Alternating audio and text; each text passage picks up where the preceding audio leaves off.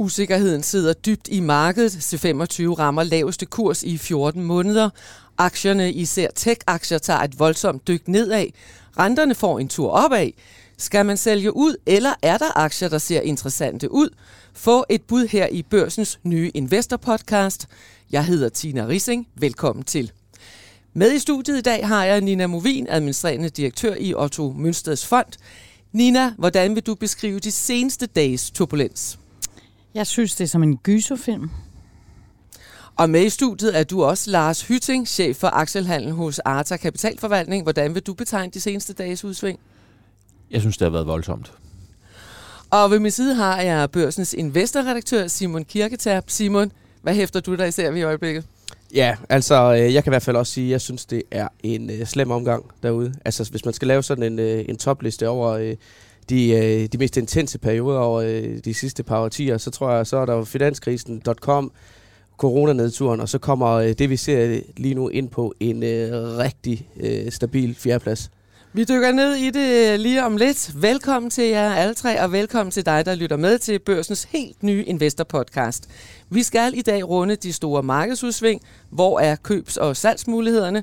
Og så introducerer vi vores helt nye All-Star portefølje, hvor investorerne her i studiet, vores aktieteam, vil investere for hver 100.000 kroner fra en pulje stillet til rådighed af Saxo Bank. Mere om det senere. Ugen begyndte med et hårdt slag til aktierne. C25-indekset ramte laveste kurs i 14 måneder. Især tech-aktier får en hård medfart.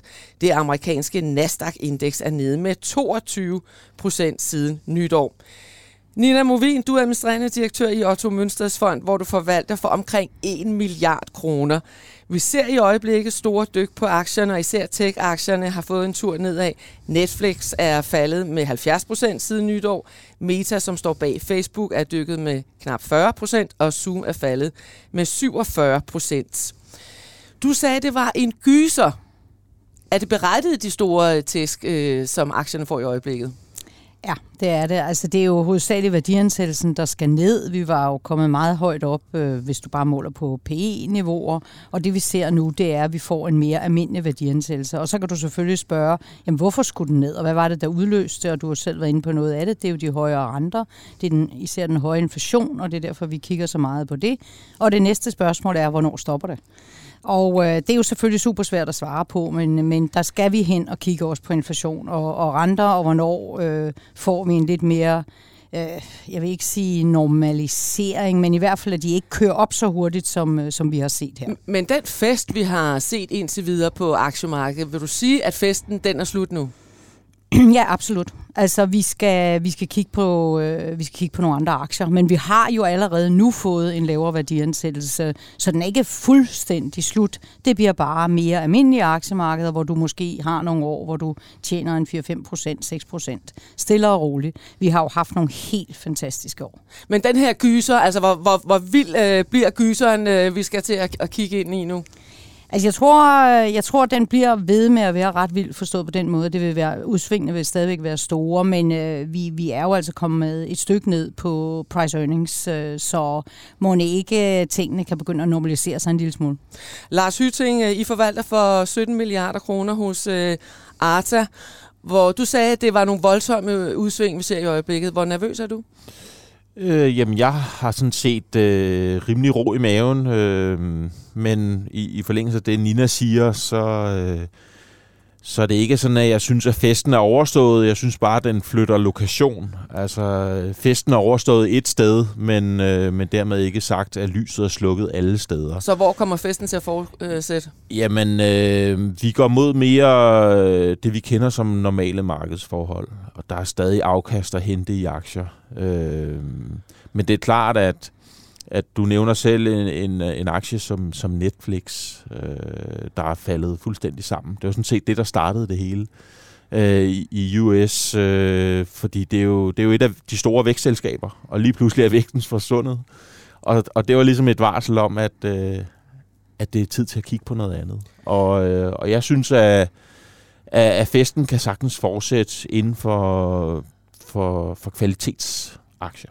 Med de der tider, hvor man øh, nærmest øh, bevidstløst har kunne købe op i, øh, i et øh, nærmest øh, tilfældigt øh, tekstselskab øh, med et øh, massivt øh, cash burn, og så hente et fænomenalt afkast på det. Det er i hvert fald slut. Ja. Det er tydeligt. Den, Det, øh, det seneste halve år, der er, øh, der er verden fuldstændig forandret på aktiemarkedet øh, inden for det her. Men, men nu siger du, øh, at Netflix øh, er jo kommet ned i, i pris nu. Omvendt kan man så ikke sige, nu kunne der være nogle øh, opkøbsmuligheder på Jo, tech-aktierne. Men altså, vi kommer stadig fra nogle, øh, nogle fuldstændig vanvittige øh, værdiansættelser på nogle af de her selskaber. Og øh, altså, jeg, Når du siger vanvittigt, var det varm luft? Folk køber op i? I, til dels. Altså, jeg har fra flere øh, fået, fået tilsendt nogle, øh, nogle screendoms af nogle porteføljer, de har fået sammensat af nogle aktier, som de aldrig nogensinde har hørt. Altså, jeg har aldrig hørt om dem. Jeg aner ikke, hvad de laver.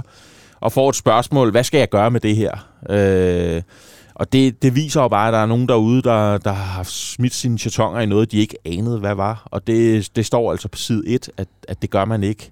Øh, i forlængelse af det, Simon siger, så, så vil jeg faktisk våge at påstå, at øh, jeg ved ikke, om I husker blæksprutten Paul, som kunne forudsige Jo, fodboldresultater. Jeg tror, at blæksprutten har kunnet de sidste år generere et ganske udmærket afkast i aktiemarkedet. Men nu er, er vandet altså ved at blive trukket tilbage, og det er nu, man kan se, hvem, øh, hvem der har badebukser på, Hvem og der hvem har der ikke har. på? Ja, som Buffett... Øh, Altså, Også det, gerne det, er sådan, jeg vil, øh, det er sådan, jeg vil karakterisere markedet.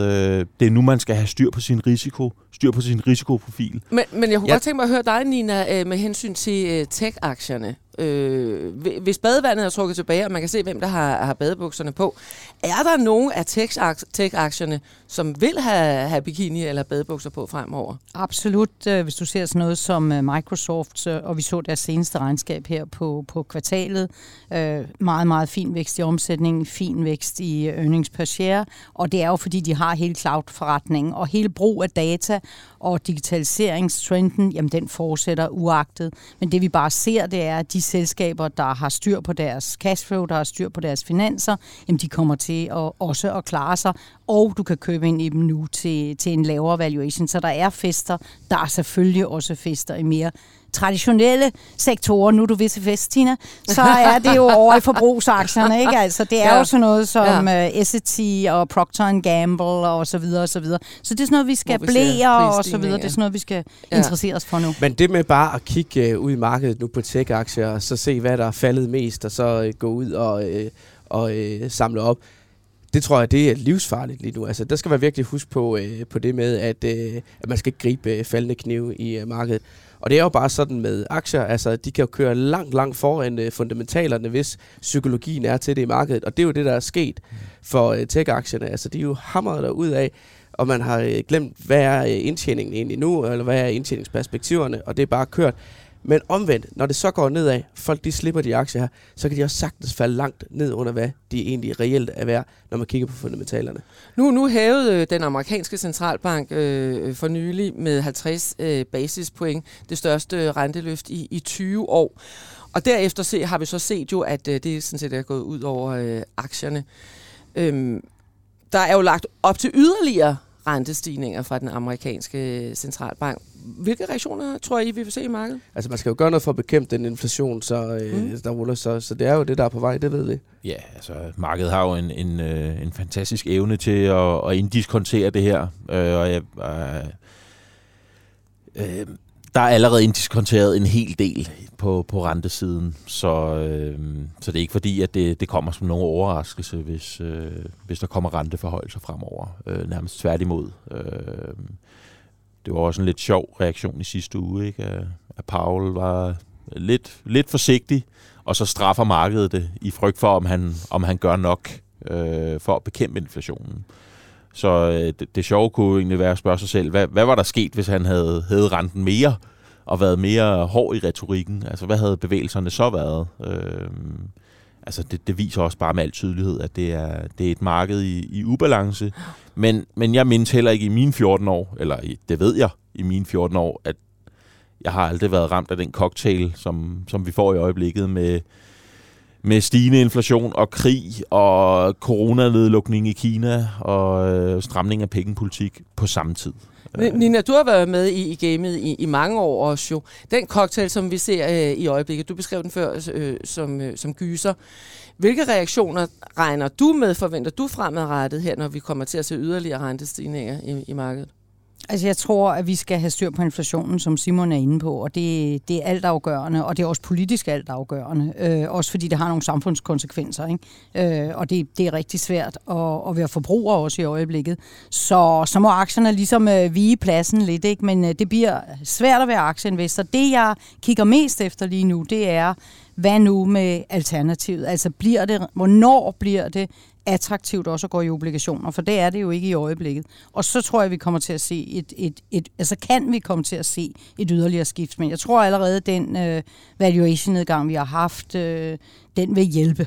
Men vi skal frem til årsskiftet. Så hvis vi lige skal samle op, altså obligationer bliver en mulighed på et tidspunkt, og så er der nogle øh, forbrugsaktier, som også kunne være interessante øh, at gå ind i. Du var lige øh, lidt inde øh, på, på blæ-industrien. Øh, øh, øh, Lars, vil du på banen med nogle konkrete øh, muligheder inden for forbrugsaktier? Øh, jamen, øh, altså også medicinalselskaber for eksempel. Øh, noget, nogle selskaber, der løser de basale behov, øh, som ikke er så afhængige af, af den enkelte forbruger øh, og evnen til at bruge penge.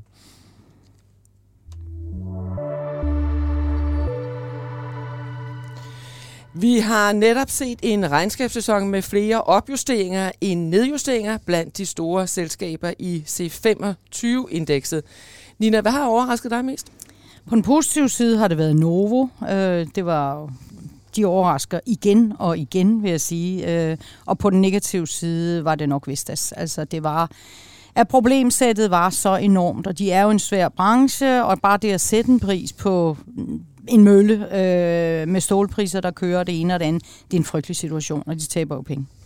Og, og Lars, hvad er, hvad er din kommentar til den uh, regnskabssæson, vi netop er, er gået ud af? Jamen altså, jeg synes bare helt overordnet, at det har været imponerende stærkt, hvad de danske selskaber er kommet med i, i sådan en, en, en tid her med, med, med stor usikkerhed.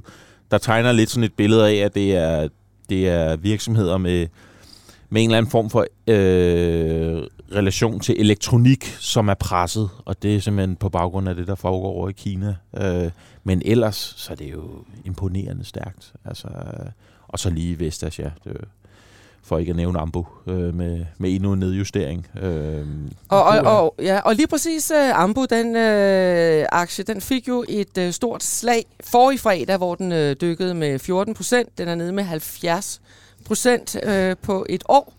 Er det fortjent, Lars? Øh, ja, det er det. Hvorfor? Øh, jamen, øh, jeg har ikke for, kunnet forstå, hvad det var, der foregik på, på noget tidspunkt i den aktie. Øh, og, og har igennem lang tid jeg skriver sådan et, øh, et morgenbrev hver dag til kunder og ja, der har du i hvert fald været hård ved den. Og, øh, og jeg, jeg skal skynde mig at understrege, at jeg kan hverken shorte eller, eller noget. Jeg har ikke nogen interesse i, at Ambus skal ned som sådan. Jeg har bare en interesse i at informere mine kunder og andre interesserede læsere om, at man skal sælge før sine naboer og skynde sig langt væk. Og det er sådan set en, en, øh, en tur, som, som jeg har haft kørt i lang tid. En Hvor, hvorfor har du ikke uh, troet på den aktie? Jamen fordi at lige meget hvad jeg kommer ind i min øh, værdiansættelsesmodel, så kan jeg ikke nærme mig noget, der, der har mindet om kurs 200 eller 240 eller 150 eller...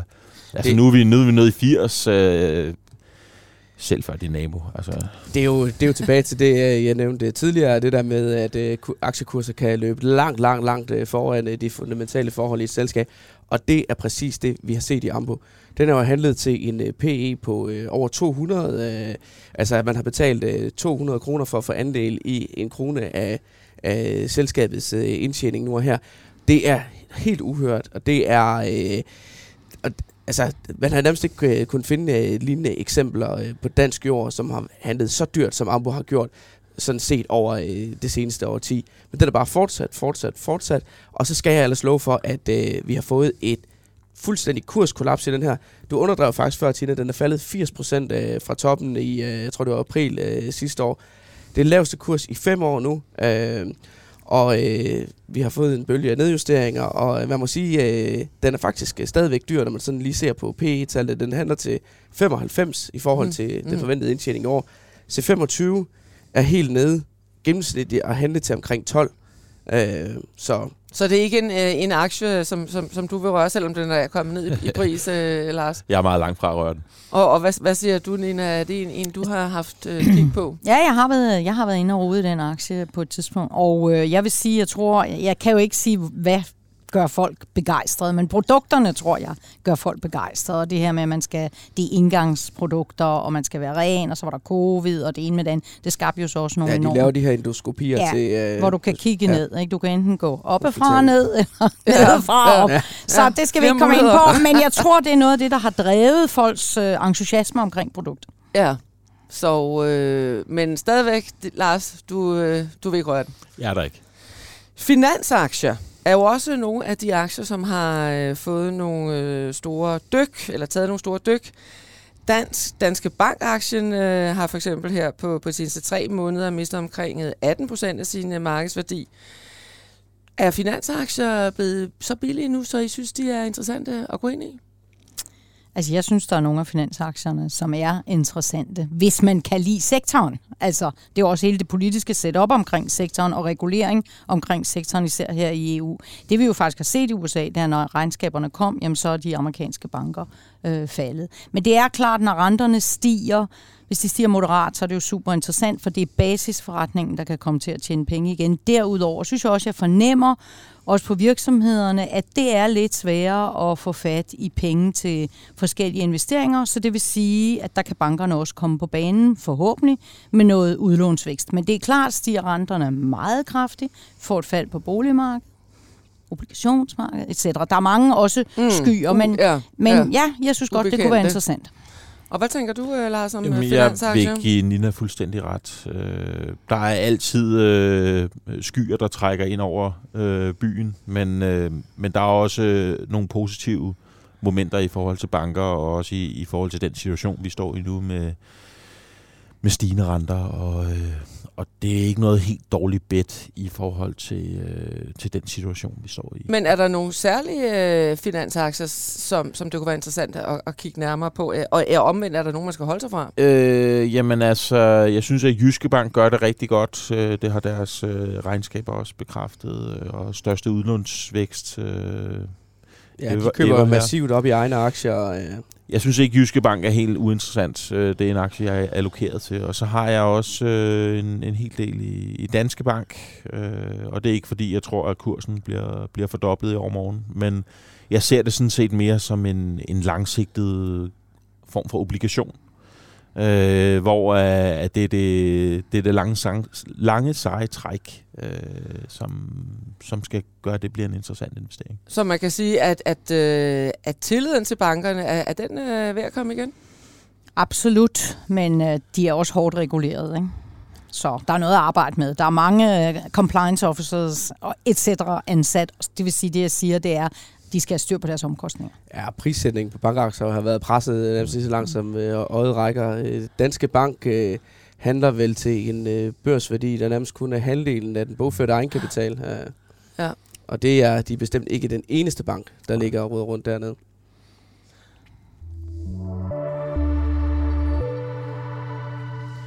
Vi har som sagt set overraskende opjusteringer, blandt andet fra AP Møller Mærsk, som nu igen stiler mod det bedste resultat nogensinde. Og med på en telefon har vi nu seniorkapitalforvalter Peter Konradsen fra Formue og Investeringspleje, som har 4,4 milliarder under forvaltning. Velkommen til dig, Peter Konradsen. Mærsk har, Mærsk har opjusteret, og aktien er på en måned steget med omkring øh, 14 procent. Hvad er det især, man er lykkes med hos Mærsk? Jamen, AP Møller Mærsk er bare et dejligt selskab, som har en utrolig imponerende indtjeningsstyrke. I, Og I, ja, vi, vi, er, vi, vi har været i aktien i lang tid. Uh, gik ind i 2015 og forøget beholdning i 18.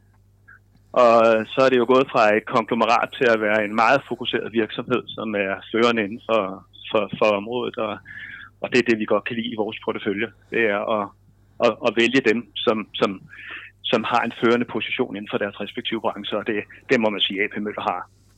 Mærsk-aktien, øh, Mærsk-aktien har jo været på et tidspunkt været ret langt nede. Øh, den var jo helt ja. Nede omkring øh, knap øh, kurs 5.000 til nu lige omkring øh, Mhm. kurs 20.000. Men det helt centrale spørgsmål, Peter, det er jo, øh, nu talte vi før om, om festen var slut, og vi så ind i en gyser, men kan festen øh, fortsætte for Mærsk-aktien? Det, det, det, det kan den, og det tror vi også, den gør, og den er ikke, den er ikke prissat korrekt i øjeblikket. Den handler på en uh, price earning på omkring 3,5 procent, eller 3,5 og øh, de, de sammenlignelige selskaber, de, de ligger på en PE på en 7-10 styks. Og nu, nu kom de med den øh, oprevidering af deres øh, forventninger til, til indtjeningen for hele året. Øh, eller den, den bibeholdt de på de 30 milliarder, men de har allerede tjent over 9 milliarder i det første kvartal. Så de har faktisk allerede præsteret 30 procent af den forventede indtjening i år. Men, men, det vil sige, ja. at det skal gå meget galt for dem, øh, for at de ikke kommer i mål, og sandsynligvis også over mål med deres indtjening for i år. Så vi sætter, vi sætter næsen op efter en, en, en sandsynlig op revidering øh, og opjustering senere på året. Peter, når du siger de der 3,6, så er det vel nærmest ud fra det, de tjente i 2021. Øh, fordi når man kigger på, øh, på, på indtjeningsforventningerne, i hvert fald per aktie, så står de jo til at, at lave et ret markant øh, hop her i, øh, i 2022 øh, nu i hvert fald i, i forhold til det, analytikerne tror på. Jeg tjekkede lige op på det, inden vi gik i studiet her, og, øh, og sådan de gennemsnitlige estimater er, at indtjeningen den kommer til at lande på 9.165 kroner øh, per aktie. Øh, det er jo helt vildt i forhold til, at, at den handler til 20.000 kroner. Sidste år var det, var det 6700 kroner, og tilbage i 2019, før end at hele det her forsyningskaos og fragtretterne, de hamrede op under corona, der lå indtjeningen hen ned på 186 kroner per aktie. Så det siger bare lidt om den tur, man har været igennem med, øh, med Mærsk-aktien. Mm. Men, ja, det, det, er jo, det, det er utroligt, som de har fået øh, øh streamline hele deres operation. Og der kan man sige, at de, de, de, de har jo virkelig øh, fat i, øh, i, i, i kunderne, lige fra, fra havnene med terminalstrukturen, øh, de har, og så deres øh, infrastruktur med, med, med, med containerskibene. Så de, de, de er altså i en god position til at kan levere det, kunderne har brug for. Men Peter, nu er vi jo også lige nødt til at, at, at sige, at der er jo altså også nogle risici, som, som Mærsk ser ind i. Ikke? Der er jo blandt andet altså krigen i Ukraine, der er nedlukningen i, i Kina, Øh, øh, øh, der er, øh, hvad kan man sige, risici omkring at få fat i, øh, i forskellige komponenter øh, i, i hele verden. Altså, der er jo også risiko ved at investere i en Mærsk-aktie. Ser du slet ikke det? Jo, jo, det gør vi. Og det er nok også en af de aktier, der er mest cyklisk i vores portefølje. Og det er også sådan, også, som, som, som vi selv siger, altså hvis du ligger et æg i en kur, så holder du øje med den kur og vi følger det jo tæt, fordi det det, det, er det store makrobillede og hele vækstbilledet, som, som kan tippe. Og vi, vi, vi falder ikke på hale over deres øh, indtjening nu, fordi det, det er helt specielle øh, forhold, der gør, at de tjener så meget i øjeblikket.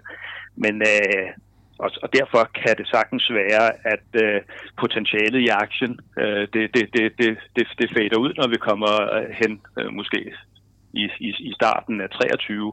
Vi mener bare ikke, den er prissat rigtigt nu. Hvad, hvad er den rigtige pris så, Peter? Hvad er den rigtige pris? Ja, vi, vi, vi, vi synes bare, den er for lav. Vi har ikke noget decideret kurstarget på den, men uh, vi kan da godt uh, forvente, at den kommer op omkring midt, midt, midt 20'erne, uh, før den er, den er rigtig prissat. Men det hele kommer an på, uh, på vækstbilledet, og det, det, det vi har oplevet efter coronaåbningerne, det er jo hele det der udbudsproblem. Og vi kan også se, at mange af, af, af kunderne, der ikke kan få leveret deres komponenter, de, de søger hen til sådan nogle selskaber som Mærsk, som har infrastrukturen, som har øh, materialet til at flytte varerne.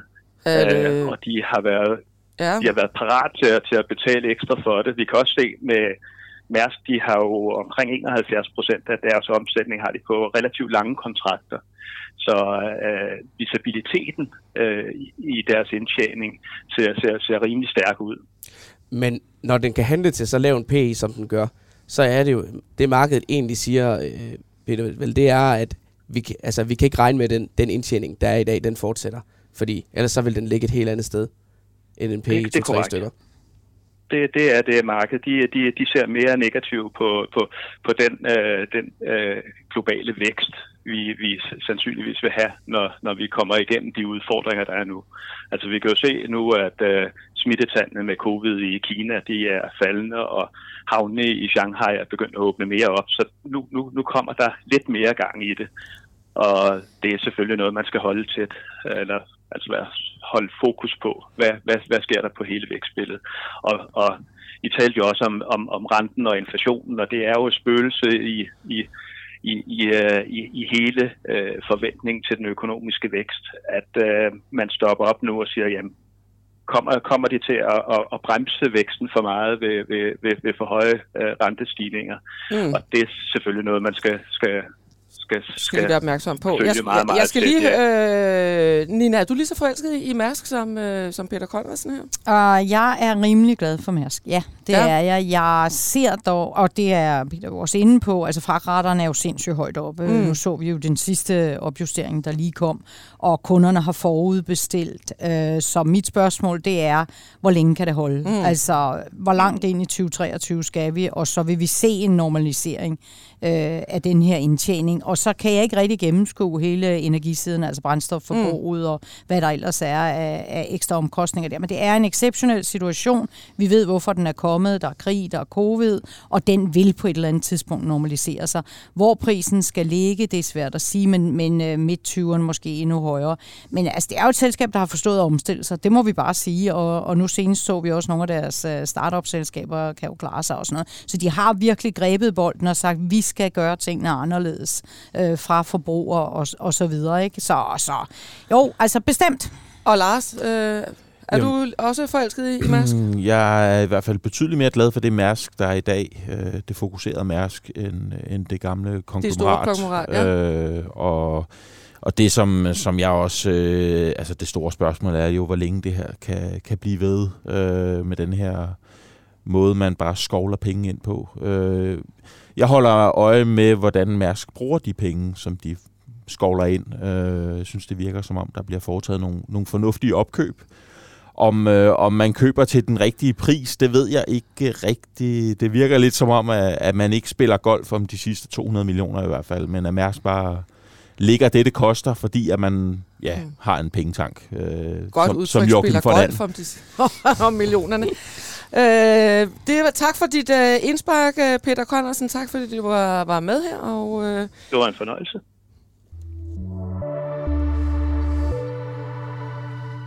Fordi nu er det nemlig blevet tid til, at der, der skal investeres. Til vores All-Star-hold her i studiet stiller Saxo Bank 600.000 kroner til rådighed. Overskuddet går til et godt formål, som I beslutter senere på året. Nina og Lars, I får hver stillet 100.000 kroner til rådighed, som I hver især begge skal investere i to aktier. Nina Movin, for allerførst så hører vi dig. Hvilke to aktier vælger du? Øh, jeg vil gerne øh, investere i Merck, som er en amerikansk øh, farmavirksomhed, og i Danske Bank. Ja, og så skal vi høre, hvorfor de to. Ja, altså Merck, det er jo en kæmpe farmavirksomhed inden for cancerområdet, og øh, den har været lidt i unåde. De har et stort produkt, der hedder Ketuda, og det går off-patent i 2028, og det er med berettiget, har folk kigget på det og sagt, uh, så stopper det hele i 2028. Men det gør det selvfølgelig ikke. Produktet er kæmpe stort, og i kombination med mange andre produkter har det vist sig at være utrolig effektivt, så der ligger jo over 100 patentansøgninger på kombinationsbehandling, og det er også noget af det, de er gode til hele hele, hele behandlingsforløbet omkring. Så derfor er der en, en fremtid også. Derudover har de nogle vacciner til, til cancer, og endelig er de selvfølgelig også inden for, for covid-vaccinerne. Øh, det, der synes jeg, ud over deres øh, kvartalsregnskaber, sindssygt imponerende, og øh, aktien tordnede op, og så videre, så videre. Ej, den kørte så nogenlunde, ikke? men den faldt ikke, mens øh, markedet.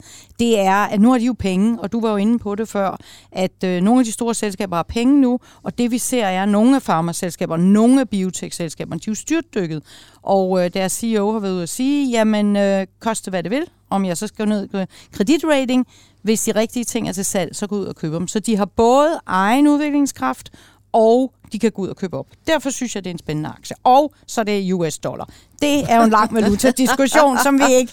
Den, og den står stærkt. Øh, den parkerer vi lige ja, lidt, ikke? Ja, ja, jo, jo, jo. Ja. Og så sagde du uh, Danske Bank. Ja, Better, Ja. Better Bank 2023 som deres nuværende plan med den igen nye ledelse. Det er det, det, de har... Ja. Ja, det er jo faktisk, tror jeg nok, udviklet af den tidligere ledelse, men det er så ligegyldigt. Jamen altså, vi har jo været inde på, på lidt af det. Hvis du kigger på egenkapitalforretning af Danske Bank og det resultat, der kom, så var det jo ikke godt. Det var 6,5, og de andre ligger vel op og roder omkring 12-12,5, jeg ved det ikke. Øh, de har sagt, at det skal nok blive bedre. Øh, men det er det, der er. Der ligger den her sky over Danske Bank, og nu var de ude at sige, at nu er de i forhandlinger blandt andet med de amerikanske myndigheder, også med danske myndigheder, kommer den her bøde for den kæmpe og frygtelige hvidvaskningssag, de mm. jo havde.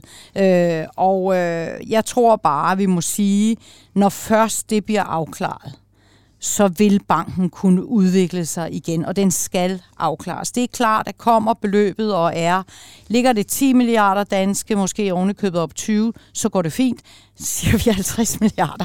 Så, så det, når jeg putter den ind, eller godt vil investere i den, så er det jo sådan lidt et 0-1, og det brød jeg mig i virkeligheden ikke om. Folk, der har problemer med regulatoriske ting, som, som det her er. Men det har kørt så længe, det er så velkendt i markedet, de har været ude at kommunikere det, de kunne kommunikere. Ikke noget om, hvornår eller sådan noget, men nu er vi i forhandlinger. Og, øh, og jeg, jeg, jeg tror, det er det, der skal til. Det er en vigtig bank for, for os, for vores samfund her, og vi skal videre. Øh, Simon, hvad er din kommentar til uh, Ninas uh, opkøb? Ja, i hvert fald til Danske Bank her, altså øh, den her hvidvasksag, den ligger jo som en tung dyne hen over aktien og har gjort det i årvis nu. Nu er de ude at sige, at øh, de rent faktisk øh, annullerede øh, udbyttet øh, for kvartalet her, fordi de er, øh, de er i forhandlinger. Så der må jo ligge et eller andet event lige rundt om hjørnet, som kan flytte den aktiekurs ret meget. Så det er vel, det er vel også et spil på, at det falder rigtigt ud af, Nina, at du, du vælger at, at den Absolut, og spørgsmålet er, om man skal tage et spil, eller man skulle have taget S&T eller Procter Gamble over i forbrugsaktierne. Men øh, jo, jeg, jeg, jeg synes, det er det værd, og jeg en af de ting, jeg ikke, som jeg har kigget lidt på, det er, jeg mener ikke, de havde en filial i USA. Altså, fordi det er jo også lidt afgørende, hvor meget kørte der gennem øh, USA. Ikke? Og øh, derfor så kan vi jo, det er et spil på, at bøden ikke bliver alt for stor. Og den kommer snart. Og vi får det afklaret, og den nye ledelse kan finde ud af det. Mm, okay. Lars Hyting, vi skal høre, hvilke to aktier vælger du? Jamen, Jeg har valgt ISS og Tryk. Ja, og hvorfor vælger du de to? Jamen altså, ISS er jo den mest øh, undervurderede øh, aktie i C25, så derfor kan jeg jo ikke komme udenom, at jeg naturligvis skal, skal have den som det ene af mine valg. øh, dygtig ledelse, turnaround øh, af forretningen, som, som har kørt igennem 21 og efterhånden er ved at være på plads, og, og for nyligt øh, en, en trading statement fra Q1, som også øh, viser, at, at vi er på rette vej. Øh, øh, i mine øjne øh, et af de allerstørste ledelsesmæssige talenter, der render rundt derude, øh, Jakob Aage. Jakob O, ja. Øh, jeg synes, han gør det rigtig godt, og øh, Men du sagde, at den var den en af de mest undervurderede nej, aktier. den mest undervurderede.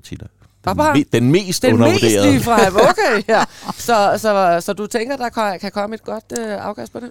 Jeg tænker, der kan komme et rigtig godt afkast på, på ISS. Øh, og, og jeg synes også, vi så, vi så i sidste uge, at, aktien er på rette vej. Jeg synes, det er 12 frasalg sidste år. Der er ved at være ryddet op. Der er styr på cashflowet. Øh, der kom en opjustering. What's not to like? Øh, valget er tryk. Jamen, øh, ikke det mest eksotiske, men måske at det er, at det er de realiteter, vi, vi skal kigge ind i her i 2022, at øh, det, er, det er et af de steder, hvor, hvor festen kan fortsætte, mm. Eller hvor der er en fest. Øh, ikke noget helt tosset øh, sted at, at smide chetongerne i forhold til, til stigende inflation øh, og, og, og højere pengepolitik, eller højere renter. Øh, også her rigtig stærk ledelse med Morten Hybe. Man har fået opkøbt øh, ASA i, i UK og, øh, og kan intensivere øh, sin, sit fokus på det svenske og, og norske marked, og man har fået frasal, frasolgt Kodan i Danmark.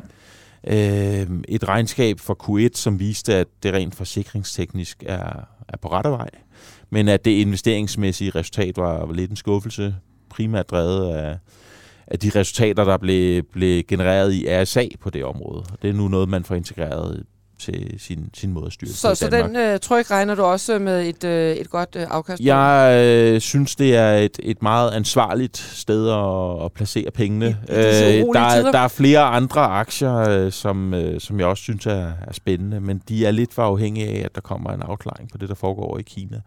Øh, og det har jeg ikke lyst til at, øh, at være allokeret Nej, mod og pengene skal jo gå til et godt formål. Lige Øh. Simon, hvad er din kommentar til, til investeringerne? Det er i hvert fald, at, øh, at øh, jeres ophav, det var ligesom, at I skulle gå hjem og finde øh, to af jeres øh, favoritter og tage dem med til, til porteføljen her. Og øh, sådan for mig at se, så går I i hvert fald med livrem og seler her, altså, fordi det er jo, øh, det er jo klart defensive øh, aktier.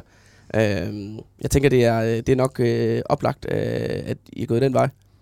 Helt oplagt. I det, altså, i det marked her. Ja, helt oplagt. Og øh, øh, du kan sige, at nogle af de store tech-aktier var jeg faktisk også inde og kigge på. Ja, ikke? fordi du har da Ja, ja, ja, men dem kan jeg også stadigvæk for, godt lide. Ja, ja, jeg kan stadigvæk ja. godt lide Apple og Alphabet og Microsoft, der kan også sagtens øh, købe op i dem. Men jeg tænker, det går til et godt formål, jeg tænker, at det, det er også noget med tidshorisonten i det. Ikke? At øh, lige nu er markedet meget uroligt, og jeg tror, at de her to aktier, som, som jeg nu har peget på, at, at, de, øh, at de kan, det er lidt all weather. Og så er der en lille, lille upside der på Danske Bank forhåbentlig. Jeg har selvfølgelig tjekket øh, de seneste afkasttal på, på de fire aktier her, og øh, det ligner i hvert fald nogen, der kan modstå det pres, mm. vi ser i, øh, i markedet PT.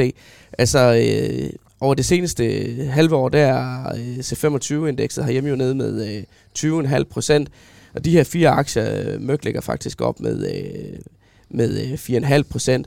Tryk er kun nede med 2 procent. Øh, ISS er nede med 9, og Danske er nede med 8,7. Så, øh, så det, er i hvert fald, det ligner i hvert fald en, en lille sikker, mm. eller der, jeg tror ikke, der er noget, der, der er helt sikkert i det uh, marked her, men, men, men, men en lomme, hvor at, uh, at vi måske kan modstå nogle af de allerstørste uh, kursfald. Um, Jeg synes, det, det viser, hvad det er for et marked, vi, vi opererer i i øjeblikket. Øh, det styr på risikoen. Ja, og nu siger vi jo så, at uh, overskuddet det går til et, uh, et godt formål. Nu må vi se, om uh, der i det hele taget uh, bliver et uh, overskud Det håber i, vi, det håber i, vi i, i sidste ende her. Vi gør jo porteføljen op øh, til nytår, og så må vi se til den tid, men, øh, men det er da klart et, øh, et farligt marked, øh, vi er i. Øh, jeg så faktisk Thijs Knudsen, øh, investeringsdirektøren i Kirk øh, Kapital, han havde en kronik i børsen her onsdag, hvor han siger, at vi er kun en stor øh, konkurs øh, i en finansiel virksomhed fra en, øh, en finanskrise.